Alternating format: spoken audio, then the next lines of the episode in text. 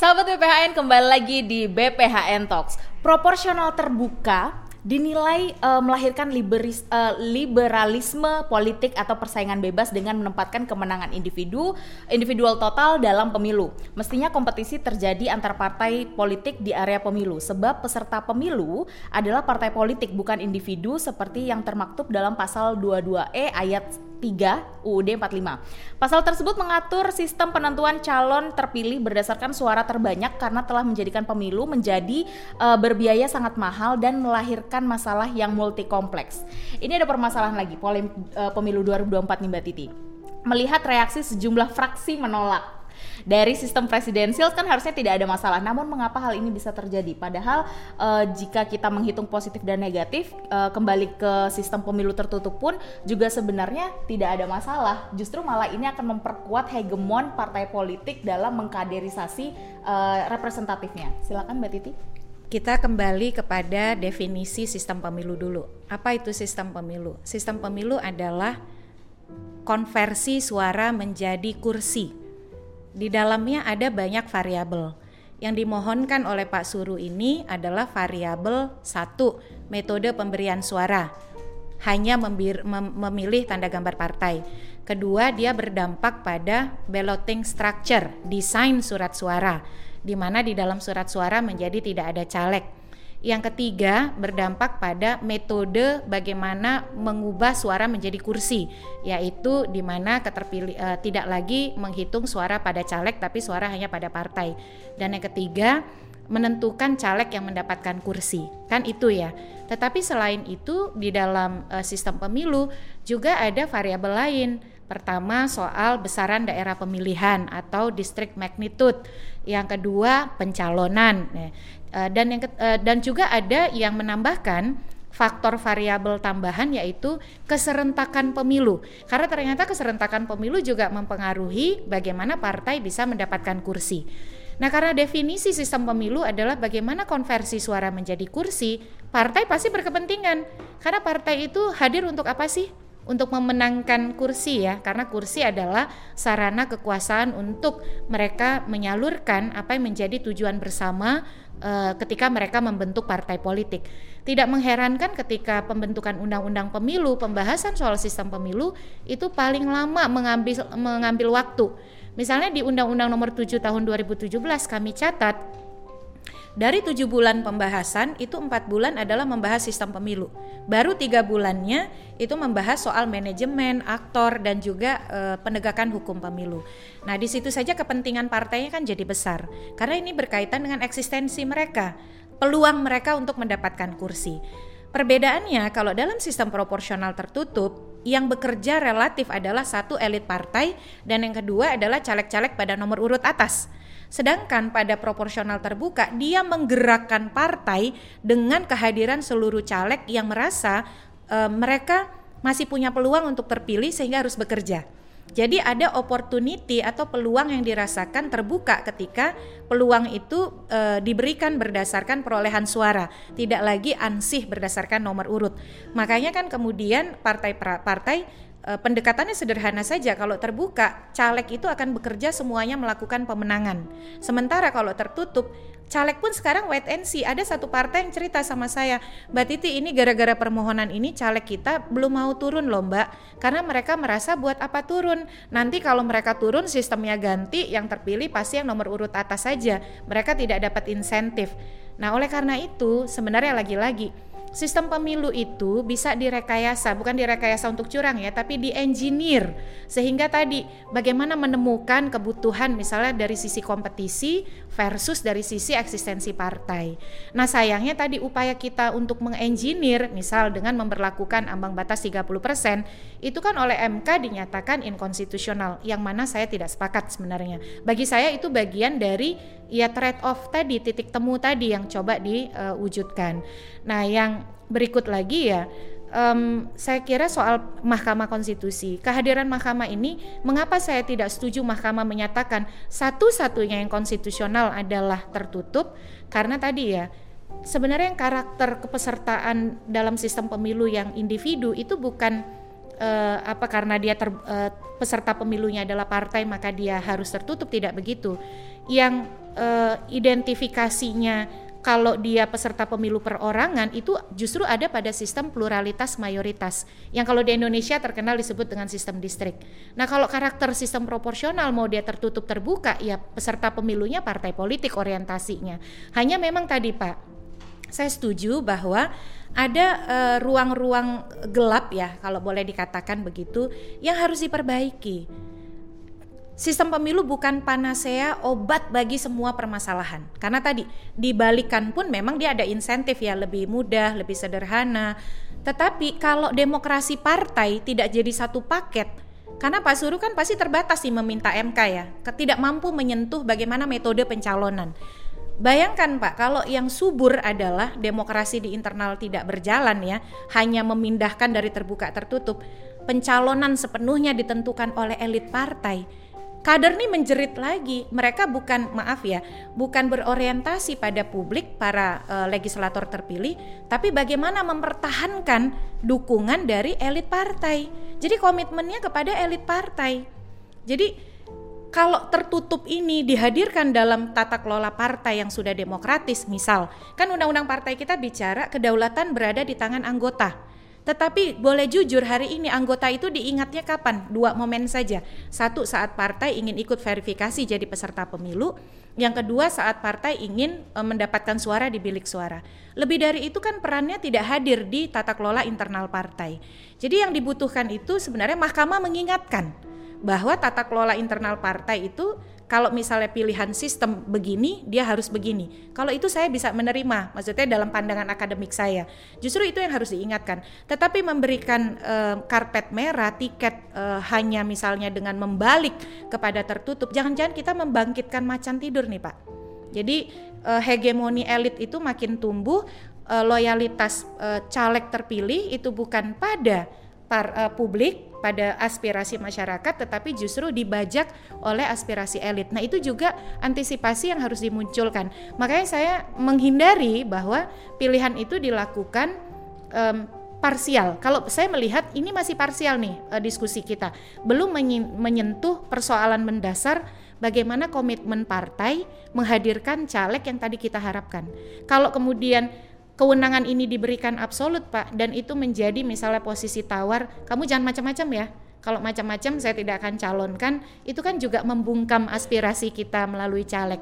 Jadi itu yang juga mungkin harus dihadirkan dimintakan kepada MK eh, hal-hal e, yang memaksa partai kita untuk menerapkan demokrasi di internal gitu. Menerapkan kaderisasi yang harus dipenuhi ketika dia mencalonkan caleg-caleg di pemilu. Jangan lagi kemudian uh, upaya itu menjadi terhambat karena tadi Pak Andang juga sudah bilang pembentuk undang-undang pasti tidak mau ya diatur untuk menerapkan kaderisasi gitu. Jadi harapan saya sebenarnya seperti itu dari MK, Mbak. Oke, baik. Uh, terima kasih Mbak Titi, luar biasa. Jadi sudah masuk dalam harapan uh, kepada MK sendiri.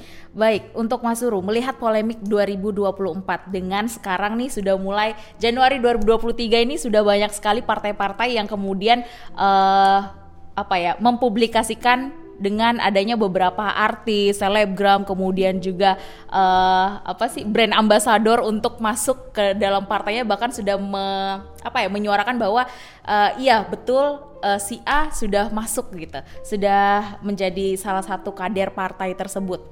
Dan melihat dari dampak uh, positif maupun negatif dari sistem pemilu tertutup, uh, proporsional tertutup harusnya bisa membuat masyarakat menilai bagaimana suatu partai mengusulkan anggota terbaiknya yang capable tentu akan bersaing bukan gitu. Dan sehingga apakah uh, sebenarnya gugatan ini juga uh, ada tujuan atau maksudnya sendiri untuk membuat uh, partai ini juga lebih aware dengan kader yang akan dikirimkan untuk kontestasi pemilu. Bagaimana tanggapannya? Ya, uh, jadi sekali lagi ya, jadi tujuan kita mengajukan uji materi ini adalah gimana sih kita membangun sebuah demokrasi, sistem pemilihan yang berakibat balik bagi kita sebagai warga negara itu berakibatnya kebaikan gitu loh. Apa kebaikannya itu pertama dari produk undang-undang yang dihasilkan. Yang kedua dari cara mereka itu memperhatikan pemerintahan ini bagaimana jalannya gitu loh.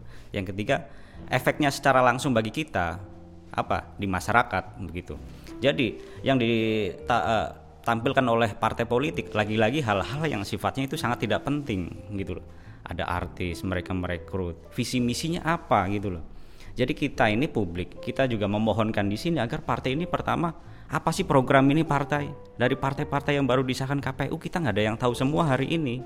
Mereka mereka hanya memperkenalkan logo nomor urut. Setelah itu tiba-tiba di perempatan jalan atau di media sosial kita ada foto orang lagi senyum ataupun lagi berkumpul dengan keluarganya lagi jalan-jalan.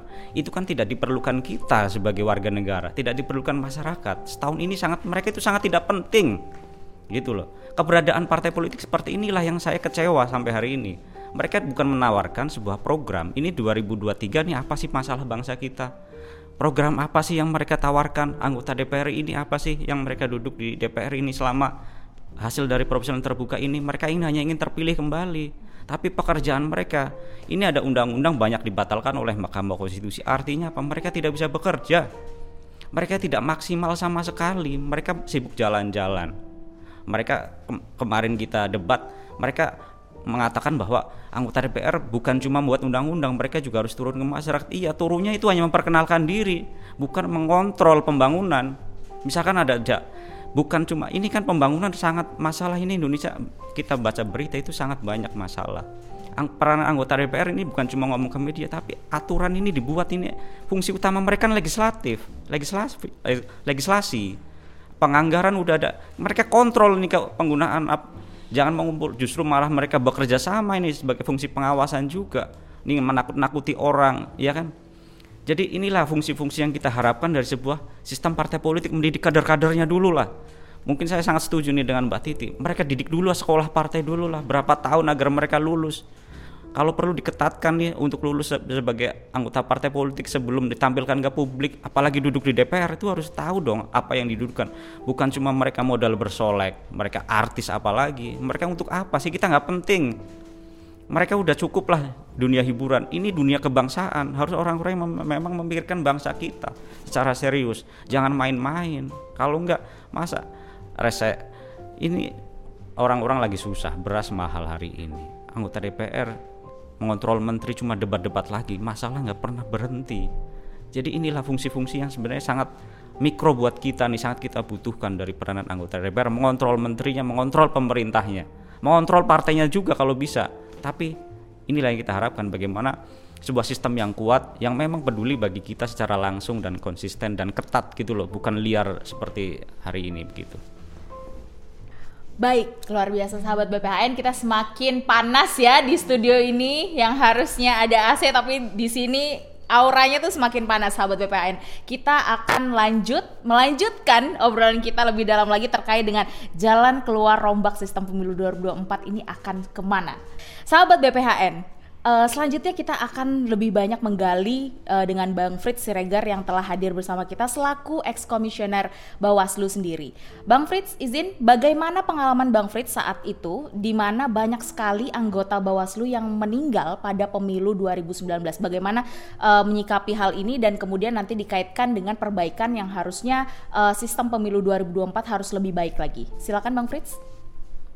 Ya, sebenarnya Mbak Nurul kalau kita bisa melihat eh, pada pemilu 2019 itu yang meninggal bukan saja eh, teman-teman dari Bawaslu tapi juga dari teman-teman dari KPU dan jumlahnya itu sekitar hampir 800 orang.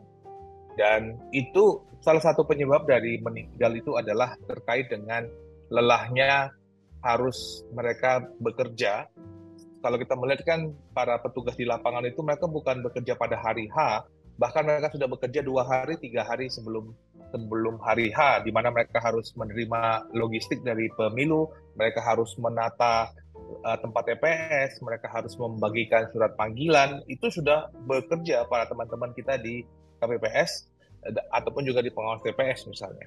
Dan kemudian di pada hari H dengan uh, dengan sistem yang ada sekarang di mana proses mungkin secara proses pemungutannya itu kan dari masyarakat mungkin masyarakat akan melihat bahwa wah ini agak ada kesulitan misalnya untuk menentukan siapa yang akan di, dia pilih. Tetapi li, lihat dari kacamata penyelenggara misalnya kalau kacamata penyelenggara bagi teman-teman yang sudah pernah mencoblos kan dan para sahabat BPHN yang pernah mencoblos pasti akan membuka sebuah kertas akan dibutuhkan waktu untuk melihat dia itu mencoblos yang mana kemudian habis itu mencoblos yang mana kemudian untuk uh, berusaha untuk uh, oke okay, ini partai ini kemudian orang ini yang dipilih kemudian berusaha untuk meletakkannya dan menggambarkannya di plano. Nah, dan kemudian itu kan baru satu baru satu tahapan ya. Kemudian kita harus menghitung kembali uh, jumlah jumlah kertas suaranya. Kemudian setelah proses penghitungan yang rumit, kemudian kita harus masuk lagi dalam proses pensalinannya dan salinan itu yang harus dibagi kepada partai politik dan juga para saksi yang hadir di TPS. Dan saya melihat bahwa salah satu memang beban yang di beban terberat bagi seorang petugas di lapangan termasuk KPPS itu adalah salinan-salinan kerumitan-kerumitan yang ada di lapangan yang mau tidak mau itu menambah beban psikologis kerja keras pada teman-teman yang ada di lapangan dalam rangka untuk harus mengisi begitu banyak dokumen-dokumen yang harus mereka berikan sebagai salinan. Saya berharap bahwa KPU bisa melakukan proses perbaikan dengan sistem si rekap yang akan mereka lakukan, dengan cara binary yang dibuat, dan juga untuk mengurangi salinan untuk masing-masing uh, daerah pemilihan dan juga tingkatan pemilihan, karena itu salah satu tugas yang yang terberat yang tidak bisa kita bayangkan seandainya kita berada dalam posisi sebagai petugas di KPPS karena begitu banyak dokumen yang harus mereka tulis dan potensi kesalahannya kan juga kan kalau lihat potensi kesalahan pada saat proses penghitungan, proses pesal, uh, salinan ke berbagai form itu juga saya melihat sebagai salah satu potensi kenapa begitu banyaknya yang kelelahan terjadi bagi teman-teman di lapangan.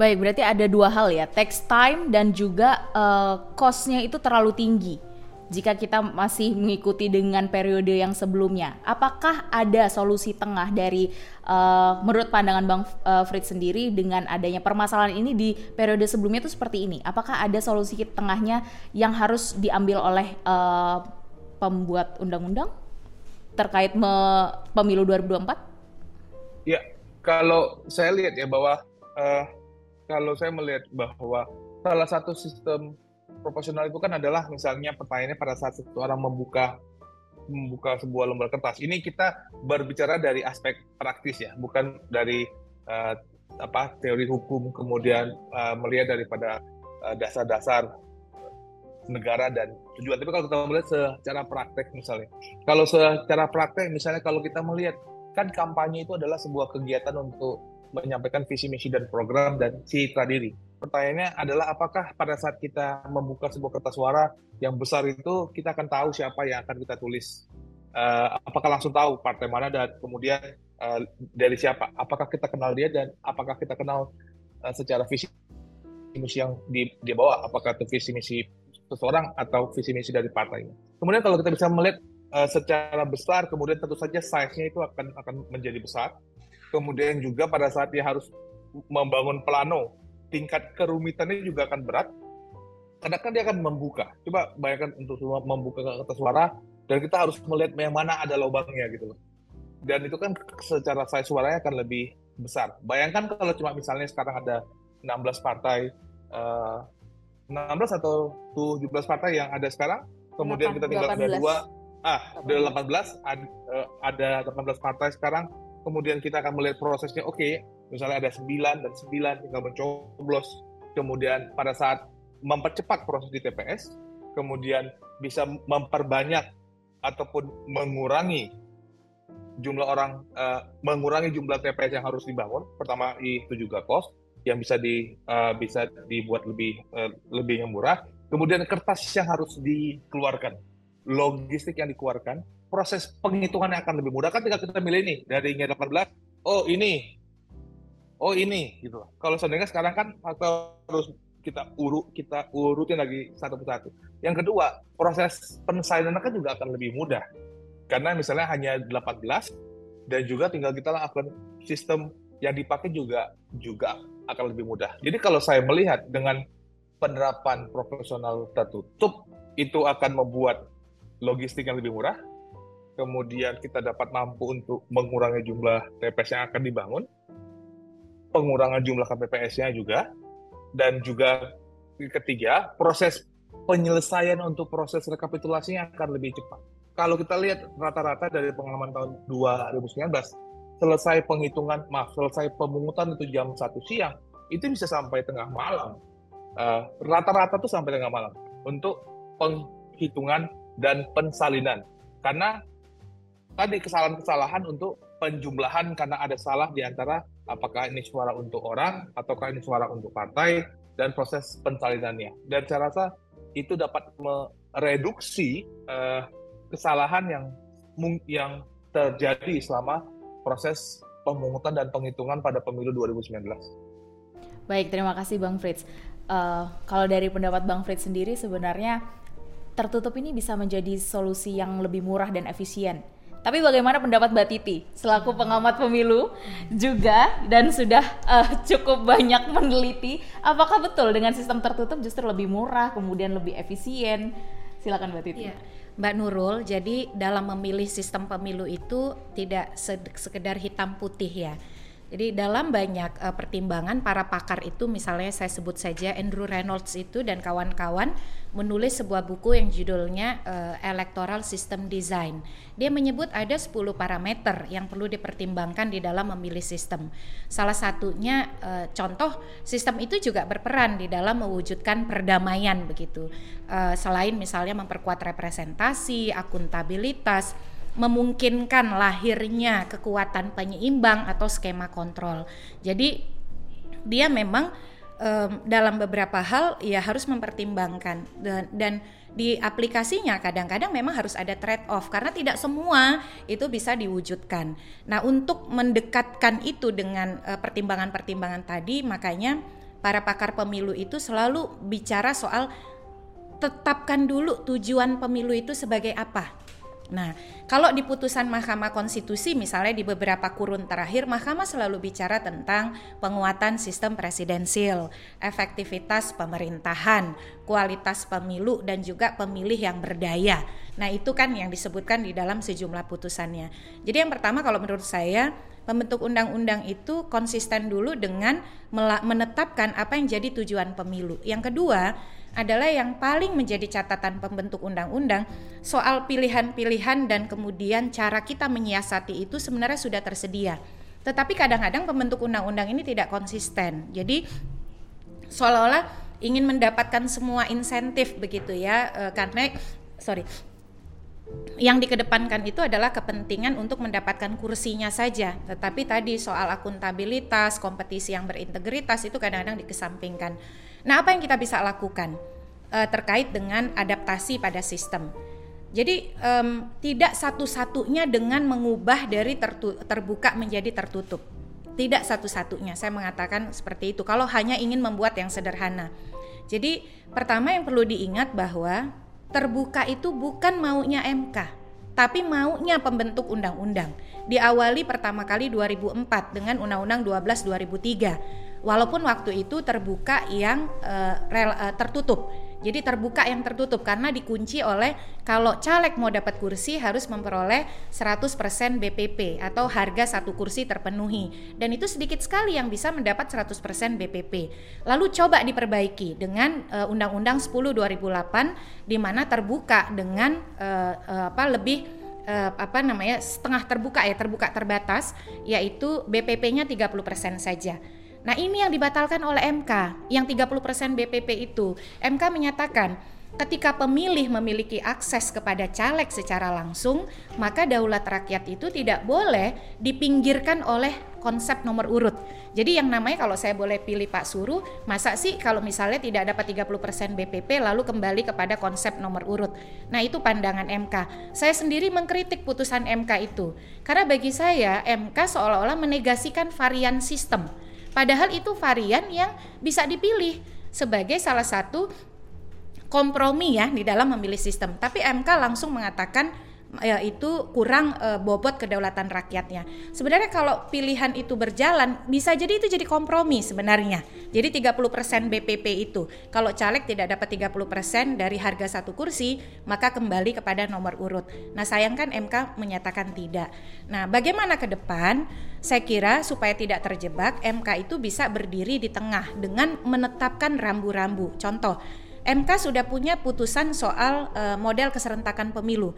Kata MK kalau ingin lebih sederhana, dibagi saja pemilunya menjadi ada pilihan serentak nasional dan serentak lokal. Serentak nasional memilih DPR, DPD, presiden bersamaan. Lalu serentak lokal memilih DPRD dan kepala daerah bersamaan. Sehingga tadi ya penguatan eh, apa sistem presidensil juga diikuti oleh eh, konsep di daerah. Itu lebih sederhana. Yang kedua, dapil kita ini memang besar Pak Suruh. Jadi 3 sampai 10 DPR, 3 sampai 12. Kami sendiri di Perludem sempat mengusulkan uh, penyederhanaan alokasi kursi di dapil menjadi 3 sampai 8 secara gradual. Walaupun misalnya kemitraan bicara 3 sampai 6. Nah, ini yang kadang-kadang pembentuk undang-undang itu uh, tidak mau mengambil pilihan trade off tadi gitu ya. Jadi kalau sistemnya terbuka mestinya dapilnya jangan besar karena kalau dapilnya besar mabuk pemilihnya. Itu harus diakui. Yang kedua, pilihannya mestinya bisa karena rekomendasi BPHN juga di dalam analisis yang dilakukan terhadap evaluasi Undang-Undang 7 2017 BPHN menyebut salah satu opsi pemberlakuan pemilu serentak nasional dan uh, dan lokal tadi. Jadi DPR, DPD, presiden digabungkan pasti pemilih relatif lebih bisa kenal ya calegnya apalagi kemudian kalau dapilnya disederhanakan. Kemudian juga soal misalnya uh, tawaran kalau pencalekan itu mestinya ada syarat harus setidaknya menjadi caleg sekian tahun. Dulu kami usulkan di dalam pembentukan undang-undang sehingga e, partai tidak serta merta kemudian e, mengambil jalan pintas mencalonkan artis, mencalonkan pemilik modal atau orang kuat di daerah sebagai vote getter gitu ya. Jadi kami usulkan waktu itu caleg itu syaratnya adalah paling sedikit sebagai kader dulu lima tahun, agak ambisius ternyata sukses Pak Suruh. Suksesnya apa? Sukses ditolak gitu ya usulannya Pak Fred juga nih. Akhirnya kami turunkan menjadi tiga tahun dan itu juga ditolak begitu. Jadi yang dibutuhkan sebenarnya adalah komitmen partai sebagai eh, dan juga pembentuk undang-undang kita untuk mau ya membangun sistem yang konsisten dan koheren satu sama lain. Nah, kalau mau merebut semuanya, akhirnya yang diambil adalah hal-hal yang hanya memberikan insentif tapi tidak pernah mampu menjawab persoalan inti dari pemilu kita. Baik, terima kasih. Cukup komprehensif ya, uh, mulai dari secara teoretikalnya, kemudian juga di lapangan praktiknya seperti apa. Bahkan solusi sebenarnya dari Mbak Titi udah menyebutkan solusinya adalah uh, penyederhanaan itu tadi gitu, tidak menggabungkan keseluruhan gitu. Dan sepertinya pembentuk undang-undang nih mau semuanya diakomodir seperti itu. Baik, selanjutnya kita uh, meminta pandangan dari Pak Andang. Kami persilakan. Ya, saya harus katakan bahwa sistem pemilu dengan proporsional terbuka itu sebetulnya uh, jauh dari pengertian nilai-nilai demokrasi Pancasila. Ya, saya kira sudah cukup banyak hmm, apa namanya hmm, hmm, sisi-sisi hmm, uh, kelemahan dari sudut pandang uh, demokrasi Pancasila tersebut dari praktek uh, pemilu yang kita lakukan uh, sejauh ini gitu kan. Nah, maka maka kalau saya boleh memberikan satu urun rembuk begitu, jadi saya kira uh, kalau kita karena berkejaran dengan waktu ya, kalau kita mau membangun satu sistem yang baik sesuai dengan prinsip-prinsip uh, nilai luhur Pancasila, saya kira tadi saya saya tidak yakin bahwa dalam waktu yang uh, uh, apa hanya tinggal beberapa bulan lagi kita kita bisa wujudkan itu. Nah, kalau kalau mau ambil jalan uh, yang lebih apa namanya lebih praktik begitu ya, memang Eh, dengan pelaksanaan pemilu yang akan kita laksanakan di tahun 2024 nanti, sistem pemilu proporsional tertutup itu jauh lebih simple, jauh lebih sederhana. Tadi Pak Frit sudah banyak menyampaikan seperti itu. Tapi di situ juga ada tantangan, tapi di situ juga ada hal-hal yang mungkin dari sudut apa namanya eh, nilai Pancasila tidak sepenuhnya bisa terwadahi. Nah oleh sebab itu eh, uh, saya tertarik tadi explore dari Mbak Titi tadi ya.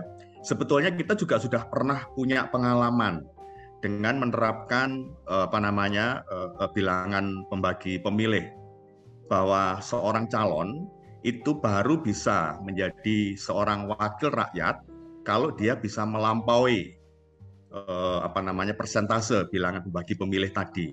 Barangkali ini ini sebetulnya mendekati win-win begitu ya kalau menurut saya Mbak Nurul. Jadi tidak sepenuhnya apa namanya uh, calon tersebut itu akan dengan sendirinya bisa melenggang ya ketika dia uh, kalau yang yang yang sistem uh, proporsional terbuka itu asal dia dapat suara terbanyak begitu kan uh, dia akan apa namanya bisa bisa menjadi wakil rakyat.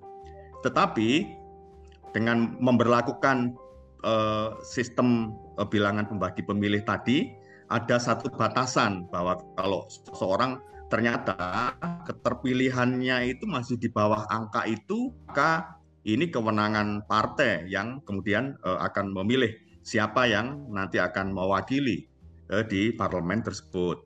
Nah ini saya kira ini uh, uh, bisa menjadi satu bahan pemikiran untuk kemudian diulang lagi. Jadi um, mungkin perlu dikaji juga itu uh, sisi sisi baiknya dari sudut dengan cara seperti itu tidak sepenuhnya uh, orang yang yang apa namanya uh, terpilih itu adalah betul-betul uh, diserahkan kepada pemilih uh, sepenuhnya. Tetapi kalau memang dia tidak bisa memenuhi angka tersebut, nah ini partai masih punya ke kewenangan.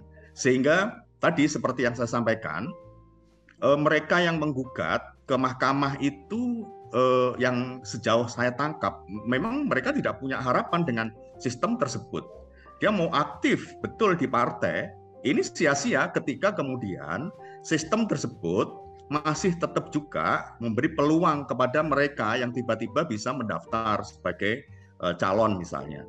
Nah, mengapa partai ini lalu dibatasi karena sistemnya tidak dia dia dia juga ingin menang begitu ya. Jadi jadi saya kira ingin menang nggak ada partai yang ingin apa dalam setiap pemilu eh, tidak mau menang itu tidak ada. Nah, karena sistem pemilunya memberi uh, tidak membatasi, memberi ruang kepada siapa pun, nah partai juga tidak akan membatasi. Maka dia uh, dia dia juga akan mencari uh, atau membuka ya pendaftaran selebar-lebarnya siapa saja uh, yang mungkin uh, tertarik untuk dicalonkan dari partai tersebut ya dia bisa uh, melakukan dan tanpa ada uh, uh, seleksi di situ dan nanti yang akan menyeleksi si pemilih. Jadi jadi ini ini yang membuat eh, apa salah seorang penggugat yang kebetulan itu adalah apa namanya orang Banyuwangi tadi yang saya sempat eh, berdiskusi dengan beliau keberatannya di situ begitu. Jadi partai tentu tidak akan mau dia membatasi. Oh harus jadi tadi disampaikan oleh Mbak Titi tadi itu ya. Oh harus jadi anggota dulu sekian lama, harus ini. Nah, Eh, eh, partai tentu tidak mau membatasi karena sistem yang ada di pemilunya juga tidak diserahkan begitu saja kepada publik, kepada pemilih begitu. Nah, saya kira secara teknis, saya kira hmm, eh, banyaklah yang mungkin bisa didiskusikan, tapi saya tidak yakin dengan waktu yang ada itu lalu bisa terwujud itu nanti. Karena saya kira tadi yang disampaikan oleh Pak Frit itu kan penyelenggaraan pemilu yang sepenuhnya didasarkan atas eh, cara-cara yang konvensional. Jadi saya kira sudah juga waktunya kita untuk kemudian juga mengakomodasi ya perkembangan uh, teknologi informasi dan seterusnya sampai pada tingkat apa itu misalnya bisa membantu penyelenggaraan pemilu lalu bisa me membuat itu juga kredibel dan seterusnya. Jadi kalau hal-hal teknis sudah saya kira sudah mulai bisa di digagas. Tapi saya lagi-lagi tidak yakin ini karena pemilunya sudah sebentar lagi tahun 2024. Nah, maka ini nggak tahu ini, ini mungkin eh, apa hakim di Mahkamah Konstitusi juga juga pusing juga ini harus harus harus eh, mencari pilihan ya, eh, mencari pilihan yang mungkin itu bisa bisa apa namanya bisa memberikan jaminan kepastian yang lebih baik lah atas praktek uh, uh, apa apa pemilu yang selama ini dengan sistem ter, proporsional terbuka itu juga uh, banyak dikritik ya. Uh, saya kira sudah kita tidak perlu mengulang lagi banyak lah kritik-kritik yang terjadi. Nah, pada sisi lain juga memberikan jaminan atas masyarakat itu juga bisa memilih secara apa langsung para wakil-wakilnya. Jadi saya kira kira-kira begitu apa namanya uh, uh, uh, Mbak Nurul. Jadi kalau kita mau mau serius betul, saya kira memang tidak cukup dengan keputusan Mahkamah Konstitusi, maka saya kira pembuat undang-undang tadi itu. Jadi ada PR yang sangat serius uh, yang harus di, dilakukan oleh para pembuat undang-undang. Uh, tentu mungkin uh, kalau apa namanya itu kan berarti harus menunggu hasil pemilu yang akan datang. Nah, kira-kira begitu, uh, Mbak Nurul. Baik, terima kasih Pak Andang. Uh, statementnya sudah cukup mencakup dengan closing statement terkait dengan pemilu 2024 ya, Bapak. Terima kasih.